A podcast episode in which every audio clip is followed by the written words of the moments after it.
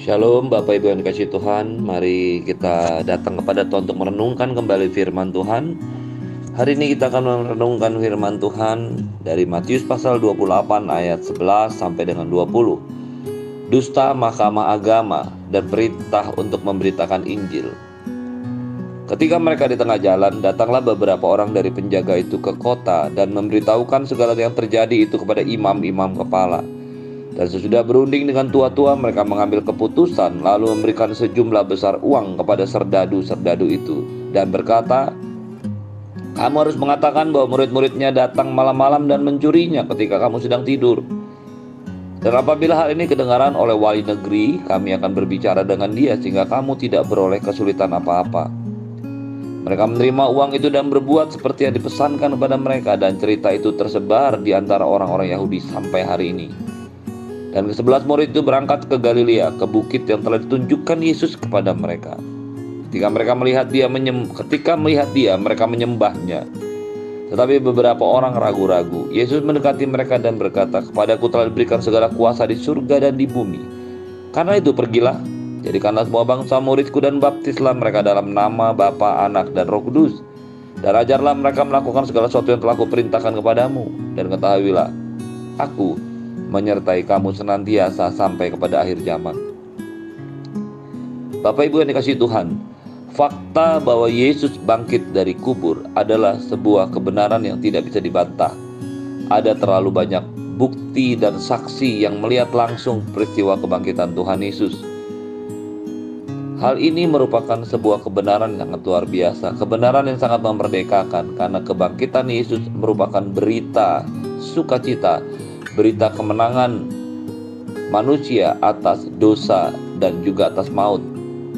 Semua yang dikerjakan Tuhan Yesus karena kasihnya kepada kita dengan harapan dengan tujuan membawa setiap manusia, setiap Anda dan saya yang percaya kepadanya masuk dalam kerajaan surga, tidak dihukum dalam neraka. Di sisi yang lain, kebenaran ini juga tentu saja mengagetkan iblis yang tidak maha tahu dia iblis tidak menduga bahwa apa yang mereka sudah kerjakan kepada Yesus yang kelihatannya berhasil sehingga mereka membunuhnya ternyata berakibat fatal bagi orang-orang yang percaya kepada Yesus.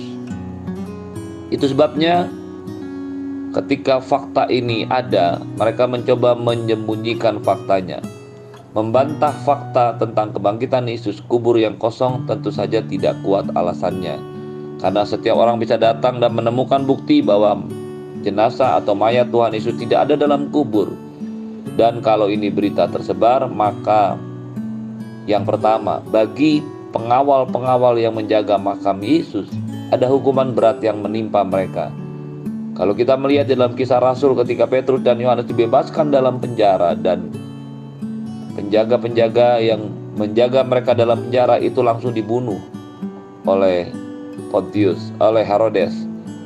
Bapak Ibu yang dikasih Tuhan, menyadari hal ini, maka pengawal-pengawal langsung memberitahukan apa yang terjadi kepada imam-imam kepala. Mereka tidak memberitahukannya kepada atasan mereka yaitu pengawal yang di wali negeri yaitu yang menyuruh mereka, yang memerintahkan mereka untuk berjaga di situ. Kalau kita lihat di dalam ayat-ayat sebelumnya, pengawal-pengawal itu ada untuk menjaga kuburan Yesus karena diminta oleh imam kepala kepada wali negeri. Kalau saja pengawal-pengawal itu datang kembali ke wali negeri yang adalah atasan langsung mereka, maka mereka akan mengalami nasib dibunuh. Itu sebabnya mereka datang kepada imam-imam kepala dan mereka berunding. Dan sesudah berunding dengan tua-tua, mereka mengambil keputusan lalu memberikan sejumlah besar uang kepada serdadu-serdadu yang menjaga itu. Dan mereka harus mengatakan bahwa muridnya datang malam-malam dan mencurinya ketika kamu sedang tidur. Apabila hal ini kedengaran oleh negeri, kami akan berbicara dengan dia sehingga kamu tidak beroleh kesulitan apa-apa. Persekongkolan jahat ini tentu saja diinisiasi oleh si jahat. Iblis kaget ketika Yesus bangkit dari kematiannya, karena ini merupakan sebuah kekalahan mutlak dirinya. Itu sebabnya dia mencoba menutupi fakta ini mencoba mengaburkan fakta ini dengan banyak cerita yang bohong, yang konyol. Perhatikanlah alasan yang dikemukakan oleh imam-imam kepala kepada serdadu. Kamu harus mengatakan bahwa murid-muridnya datang malam-malam dan mencurinya ketika kamu sedang tidur. Bapak Ibu yang dikasih Tuhan ini adalah satu alasan yang sangat konyol. Mereka harus mengatakan bahwa murid-murid Yesus datang malam-malam dan mencurinya ketika mereka sedang tidur. Bagaimanakah seorang yang bisa tidur tahu bahwa yang mencuri mayat itu adalah murid-murid? Bukankah ini merupakan sebuah alasan yang sangat lucu dan tidak masuk akal? Orang yang sedang tidur tentunya tidak tahu siapa yang lewat. Kalau mereka tahu, pasti mereka akan berteriak dan mengusir setiap murid-murid Yesus. Lihatlah kekonyolan alasan ini. Dan yang mengerikan, kekonyolan ini bisa diterima oleh banyak orang yang tidak mengerti dengan menggunakan akal sehat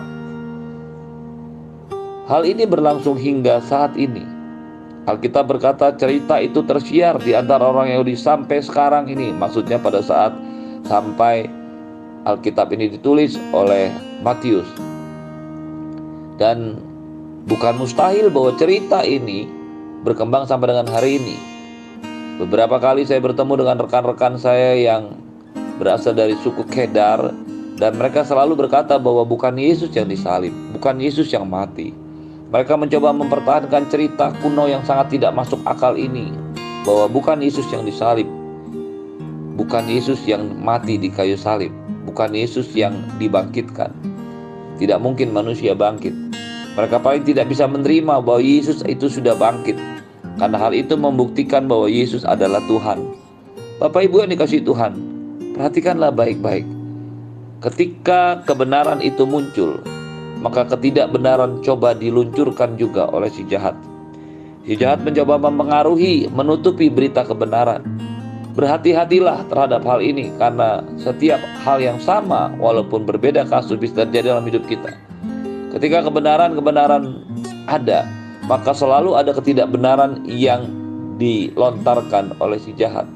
Jangan heran kalau hari ini ketika Anda dan saya sedang mengerjakan sebuah kebenaran firman Tuhan, pada sisi yang lain, pada sisi yang berlawanan, ada si jahat yang mencoba menyebarkan berita yang tidak benar. Masalahnya, bagaimana dengan respon dan keputusan Anda? Seringkali kita lebih suka mendengar berita yang tidak benar atau lebih suka mencari kebenaran. Berhati-hati dalam menentukan sikap pada saat engkau mendengar sesuatu. Kalau engkau tidak punya kepentingan, lebih bagus tidak usah ikut campur. Dan kalau engkau tidak punya data yang pasti jangan cepat untuk menilai atau menghakimi sesuatu. Apa yang ditunjukkan oleh pegawai-pegawai atau pengawal-pengawal kubur Yesus itu menunjukkan bahwa ketidakbenaran akan melahirkan ketidakbenaran. Dusta akan diikuti dengan dosa yang kedua yaitu penyuapan. Imam-imam kepala tua-tua Yahudi itu mengambil keputusan untuk menyuap, memberikan mereka sejumlah besar uang. Pada akhirnya, semuanya bermula dari cinta akan uang. Bapak Ibu yang dikasih Tuhan, apa pun yang terjadi dalam hidup kita, kalau uang sudah mempengaruhi hidup kita, maka semuanya akan menjadi salah dan salah.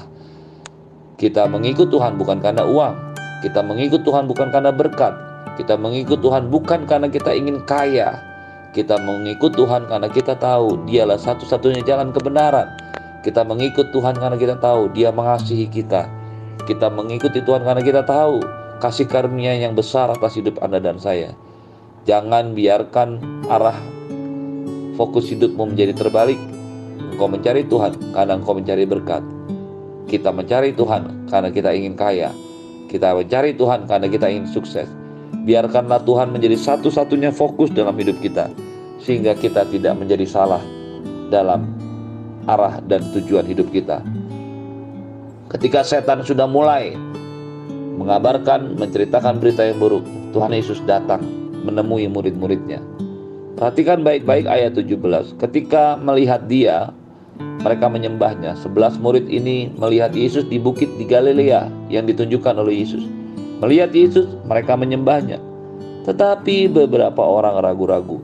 Adalah sebuah fakta yang luar biasa bahwa di antara murid-muridnya sekalipun yang mendengar berita tentang kebangkitan Yesus, mereka juga awalnya tidak semua percaya. Tidak semua bisa menerima, bisa mengerti bahwa Yesus itu sudah bangkit. Jangan cepat menghakimi mereka karena kalau kita ada dalam posisi seperti mereka, mungkin juga kita mengalami atau memiliki pikiran yang sama. Bayangkanlah mereka bersama-sama dengan Yesus selama tiga setengah tahun menyaksikan Yesus yang begitu luar biasa, begitu diurapi, begitu banyak melakukan mujizat. Tapi sekonyong-konyong Yesus itu yang mereka percaya sebagai Tuhan, yang mereka percaya sebagai Mesias, tiba-tiba mati. Bagaimanakah mungkin Tuhan mati? Keraguan-raguan inilah diakibatkan oleh ketidakmengertian mereka, ketidaktelitian mereka dalam membaca dan merenungkan firman Tuhan. Itulah sebabnya ketika Yesus sudah bangkit sekalipun, ada di antara mereka yang masih ragu-ragu. Bapak Ibu yang dikasih Tuhan, inilah sebuah fakta kebenaran dalam firman Tuhan. Berita kebangkitan Yesus disambut oleh orang-orang yang percaya dan mereka menyembah Yesus.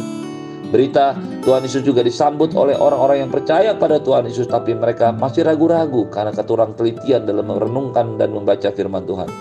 Kebangkitan Yesus tidak bisa diterima oleh orang-orang yang tidak menyukai kebenaran dan hidup dalam dosa. Mereka selalu menyebarkan berita kebohongan ini dengan satu tujuan mereka mempunyai banyak suara pendukung yang menyetujui bahwa Yesus tidak mungkin bangkit. Yesus mendekati mereka dan berkata, Kepadaku telah diberikan segala kuasa di surga dan di bumi. Karena itu pergilah, jadikanlah semua bangsa muridku. Dan baptislah mereka dalam nama Bapa, Anak, dan Roh Kudus. Dan ajarlah mereka melakukan segala sesuatu yang telah kuperintahkan kepadamu. Ada dan ketahuilah, aku menyertai kamu senantiasa sampai-sampai pada akhir zaman. Yesus tahu mereka ragu-ragu. Sebagian mereka ragu-ragu. Yesus tahu pada di saat yang sama iblis mencoba menyebarkan berita kebohongan, berita penyangkalan tentang kebangkitan Yesus. Karena itu dia mau setiap murid-muridnya menyampaikan berita kebenaran berita keselamatan, berita kebangkitan Yesus, berita pengampunan dosa itu kepada semua orang. Dan Yesus tahu mereka harus diperlengkapi dengan kuasa. Yesus harus membangkitkan kepercayaan mereka. Yesus juga akan membangkitkan kepercayaan kita. Dia berkata, "Kepadaku telah diberikan segala kuasa di bumi dan di surga." Mengapa Yesus menyatakan ini? Karena beberapa dari mereka ragu-ragu untuk menyembah Yesus. Hal yang sama bisa saja terjadi di gereja, di tempat saat kita beribadah. Kita sedang menyembah Tuhan, ada kehadiran Yesus di situ dalam bentuk hadirat Tuhan. Beberapa orang menyembah, beberapa orang masih ragu-ragu. Bukankah hal yang sama juga terjadi? Tapi bersyukur kepada Tuhan, Yesus mendekati mereka. Yesus menjamah mereka. Yesus mencoba membuat mereka mengerti dan berkata, "Kepadaku segala telah diberikan segala kuasa di surga dan di bumi." Dengan itu Yesus ingin menyatakan melegitimasi dirinya bahwa dia adalah Tuhan. Dia memiliki kuasa di surga dan di bumi. Perhatikan baik-baik kata-kata ini. Segala kuasa telah diberikan kepadaku di surga dan di bumi. Bumi ini tidak lagi di bawah kekuasaan si jahat. Tetapi bumi ini ada di bawah kekuasaan kuasa Yesus. Yesus telah berkata, sejak kebangkitan ini, Kepadaku telah diberikan segala kuasa, segala kuasa di surga dan di bumi. Kata segala di kuasa itu menunjukkan ada yang di surga dan ada yang di bumi. Janganlah percaya, janganlah ucapkan, janganlah setuju dengan pandangan bahwa iblis menguasai dunia ini. Seluruh dunia di bawah pengaruh iblis. Sebelum Yesus mati dan bangkit dari kematian di atas kayu salib, bangkit dari kuburnya. Ini bisa saja benar karena memang iblislah bapak segala pendusta. Tapi setelah Yesus bangkit dari kematiannya, kuasa itu sudah ada dalam diri Yesus. Kuasa itulah yang harusnya membuat mereka tidak ragu-ragu. Kuasa itulah yang membuat Anda dan saya harus berdiri dan menggunakan otoritas yang sama. Hari ini, ketika engkau melihat sesuatu terjadi dalam rumah tanggamu, dalam hidupmu, dalam pekerjaan dan bisnismu, Ingatlah, engkau tidak, engkau bukan tidak punya apa-apa. Engkau punya kuasa di surga dan di bumi. Karena segala kuasa itu sudah kembali kepada Yesus. Datanglah kepada Yesus. Gunakanlah kuasa itu. Kuasa dan otoritas yang begitu dahsyat dan luar biasa itu di surga dan di bumi.